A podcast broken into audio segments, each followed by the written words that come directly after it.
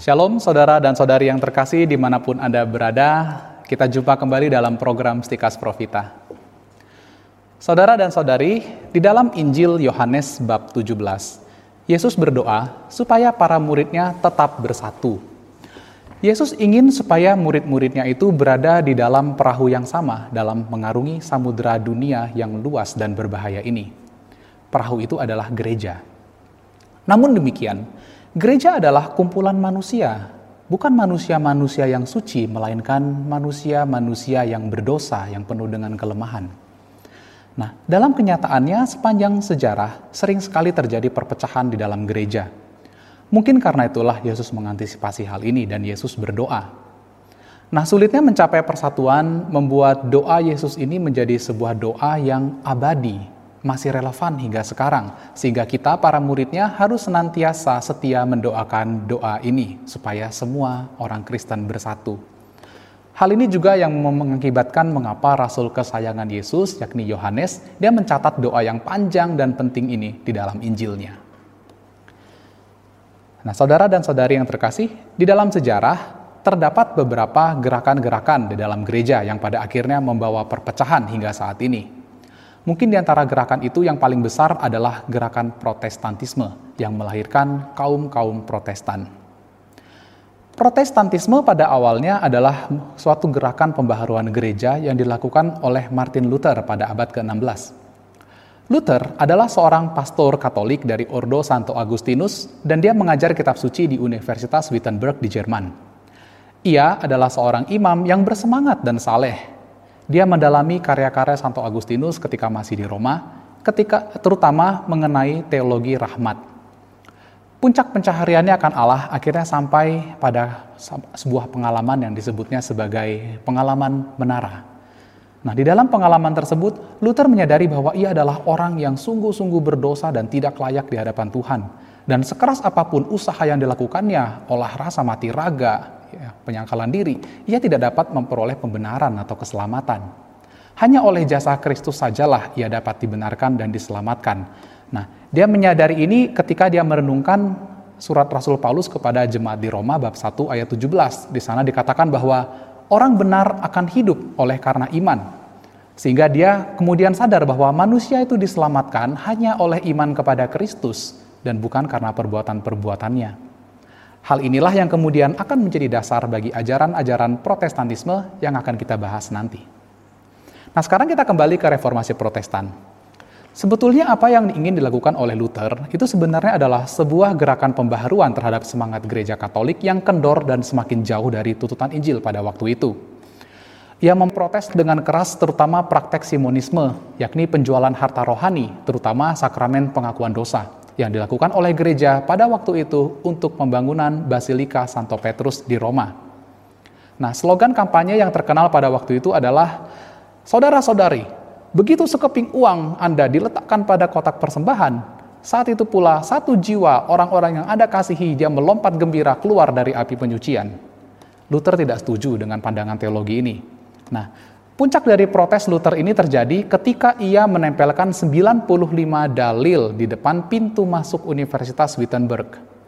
Protes Luther terhadap gereja ini didukung oleh raja-raja di Jerman yang memang tidak begitu senang terhadap gereja, terutama terhadap Roma dan Paus. Nah, gerakan pembaharuan ini pada akhirnya mengarah pada perpecahan dan perpisahan antara pengikut Luther yang disebut sebagai Lutheran dan gereja Katolik Roma. Gerakan ini kemudian dilanjutkan oleh tokoh-tokoh lain seperti Johannes Calvin, Ulrich Zwingli, dan lain-lain, sehingga kita tahu sekarang ada banyak cabang dari Protestantisme. Nah sekarang baiklah kita mengenal beberapa hal-hal pokok yang diyakini oleh Luther dan kaum protestan hingga dewasa ini. Nah ada empat pokok ajaran penting dalam ajaran Luther yakni sola fide, sola scriptura, sola gratia, dan ajaran tentang predestinasi. Pertama sola fide, Sola fide itu artinya hanya iman. Artinya, manusia hanya bisa selamat melulu karena imannya kepada Yesus Kristus dan bukan karena perbuatan-perbuatannya sendiri. Dasar dari kitab suci dari gagasan ini terdapat dalam surat Rasul Paulus kepada jemaat di Roma, misalnya dalam bab 4 ayat 5, bab 5 ayat 1, bab 9 ayat 32, dan bab 11 ayat 6 sampai 7.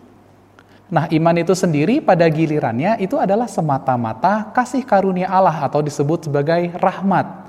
Menurut Luther, tanpa rahmat manusia sama sekali tidak dapat melakukan apa pun yang baik karena kodratnya sudah rusak total akibat kejatuhan manusia pertama atau dosa asal.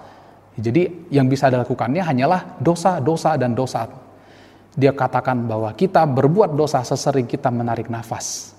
Nah, oleh karena itu inilah yang menjadi dasar ajaran sola gratia, hanya rahmat yang memampukan manusia untuk selamat. Kemudian yang ketiga, ungkapan sola scriptura yang berarti hanya kitab suci. Itu mau mengatakan bahwa kitab suci adalah satu-satunya sumber otoritas dan pengajaran iman. Dan dengan demikian, otoritas institusi gereja itu tidak diperlukan lagi Mengapa? Karena para imam, para uskup, magisterium, dan bahkan paus pun dapat salah dan sesat karena mereka juga bisa hidup bertentangan dengan ajaran kitab suci. Mereka juga bisa mengajarkan hal yang salah, maka dia menolak kuasa dan menolak untuk tunduk kepada paus. Nah, ketiga pandangan ini yakni sola fide, sola gratia, dan sola scriptura mencerminkan perbedaan mendasar dari ajaran gereja protestan dan gereja katolik. Nah, setelah kita melihat ketiga hal ini, lalu bagaimana pandangan gereja Katolik? Mengenai sola fide, menurut iman Katolik, kita memang dibenarkan atau diselamatkan oleh Allah melulu karena iman, bukan karena perbuatan kita. Iman adalah anugerah semata. Namun demikian, orang dibenarkan karena iman ini dituntut untuk hidup sesuai dengan martabat Kristennya. Jadi tidak otomatis orang yang beriman langsung diselamatkan. Orang Kristen dia harus menghayati imannya dalam perbuatan atau tindakan yang nyata. Santo Yakobus mengatakan, iman tanpa perbuatan pada hakikatnya adalah mati. Dan lagi, iman tanpa perbuatan adalah iman yang kosong. Iman bekerja dengan perbuatan-perbuatan dan oleh perbuatan iman menjadi sempurna. Akan tetapi di lain pihak, perbuatan tanpa iman juga adalah kosong setiap perbuatan orang Kristen akan memiliki nilai kalau dilakukan di dalam iman. Paulus juga mengatakan, kerjakanlah keselamatanmu dengan takut dan gentar dalam suratnya kepada jemaat di Filipi bab 2 ayat 12. Jadi, keselamatan manusia merupakan hasil kerjasama antara Allah dan manusia, meskipun pada awal mulanya Allah lah yang mengerjakan keselamatan di dalam diri kita. Singkatnya dapat dikatakan bahwa meskipun gereja Katolik mengakui keselamatan adalah anugerah Allah, namun usaha dan kerjasama manusia juga tetap sangat penting. Nah sekarang mengenai sola gratia. Gereja Katolik berpandangan bahwa sejak kejatuhan manusia pertama, kodrat manusia memang menjadi cacat, namun tidak rusak total. Manusia memang memiliki kecenderungan untuk berbuat dosa atau konkupiscensia, namun itu bukannya berarti dia sama sekali tidak dapat berbuat apa pun yang baik. Dia masih memiliki kehendak bebas untuk memilih apa yang baik dan apa yang buruk. Hanya ia harus berjuang untuk melakukan yang baik, lebih sulit. Nah, inilah sebabnya mengapa rahmat itu begitu penting.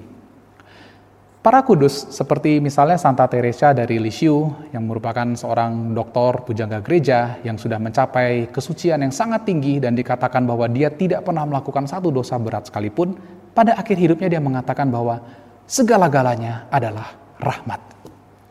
Rahmat Allah lah yang melindunginya dari dosa dan memampukannya untuk mencapai kekudusan. Namun ini bukan berarti bahwa hidup dia santai-santai, lantas dia bebas tidak usah melakukan usaha. Sebaliknya, Santa Teresa senantiasa berjuang untuk menanggapi rahmat Allah tersebut dengan setia menyangkal diri dan memikul salibnya setiap hari untuk melakukan kehendak Allah dan mempersembahkan setiap perkara sekecil apa pun demi cintanya kepada Tuhan.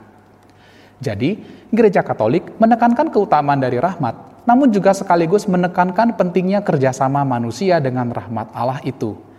Gratia prima, rahmat yang utama, bukan sola gratia hanya rahmat. Nah sekarang ketiga mengenai sola scriptura. Ajaran gereja katolik mengatakan bahwa selain kitab suci, tradisi juga merupakan sumber iman yang penting. Tradisi suci merupakan bentuk sabda Allah yang tidak dituliskan dalam kata-kata, melainkan dihayati sejak para rasul hingga sekarang. Dihayati dalam ibadat, dalam ajaran, dan cara hidup jemaat Kristen. Tradisi suci tidak tertulis dalam kitab suci, tetapi dihidupi dalam keseharian dan penghayatan iman sebagai orang Kristen. Selain itu, memang kitab suci adalah sumber kebenaran. Namun tidak semua kebenaran dapat ditampung di dalam tulisan-tulisan kitab suci yang terbatas. Di akhir Injilnya, penginjil Yohanes pun menuliskan, masih banyak hal-hal lain lagi yang diperbuat oleh Yesus. Tetapi jikalau semuanya itu harus dituliskan satu persatu, maka agaknya dunia ini tidak dapat memuat semua kitab yang harus ditulis itu. Bandingkan Yohanes 21 ayat 25. Nah, dengan demikian, nyata bahwa ada kebenaran-kebenaran yang tidak tertulis di dalam kitab suci, yakni tradisi, termasuk dalamnya ajaran-ajaran lisan. Nah, selain itu, perlu juga disadari bahwa tradisi gereja sudah ada lebih dahulu sebelum kitab suci ditulis dan dibukukan. Bahkan bisa dikatakan bahwa sebetulnya kitab suci itu lahir dari tradisi dan dia tidak bisa ada tanpa tradisi.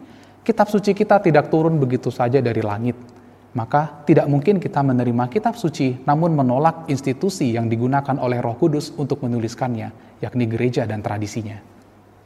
Nah, saudara-saudari, selain ketiga sola-sola-sola di atas, perbedaan yang cukup tajam antara kaum Protestan dan Katolik adalah mengenai ajaran tentang predestinasi.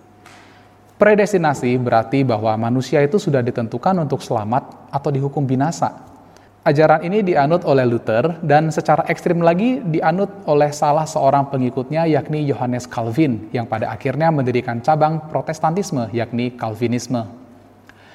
Bagi dia, jemaat atau gereja adalah kumpulan orang-orang pilihan Tuhan yang pasti diselamatkan.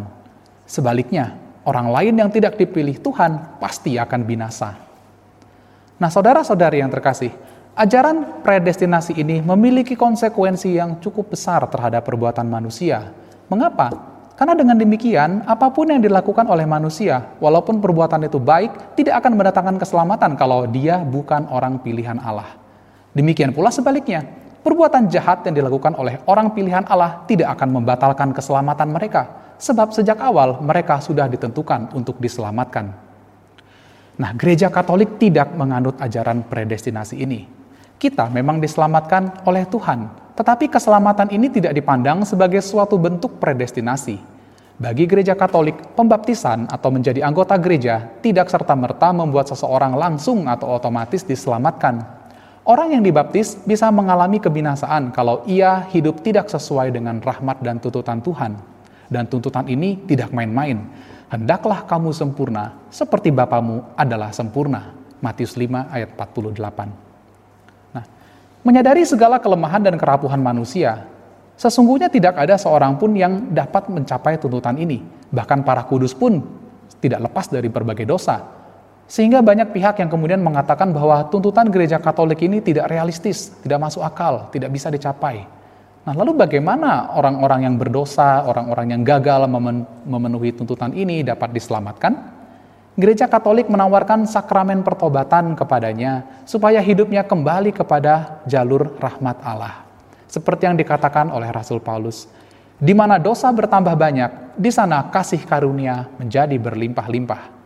Roma 5 ayat 20. Nah, dengan demikian, gereja Katolik tidak hanya memberikan standar yang tinggi tanpa kompromi, namun juga memberikan sarana-sarana yang berlimpah agar orang dapat mencapainya. Semoga saudara mencintai dan memahami kebenaran, sehingga akhirnya diselamatkan. Salam Profita.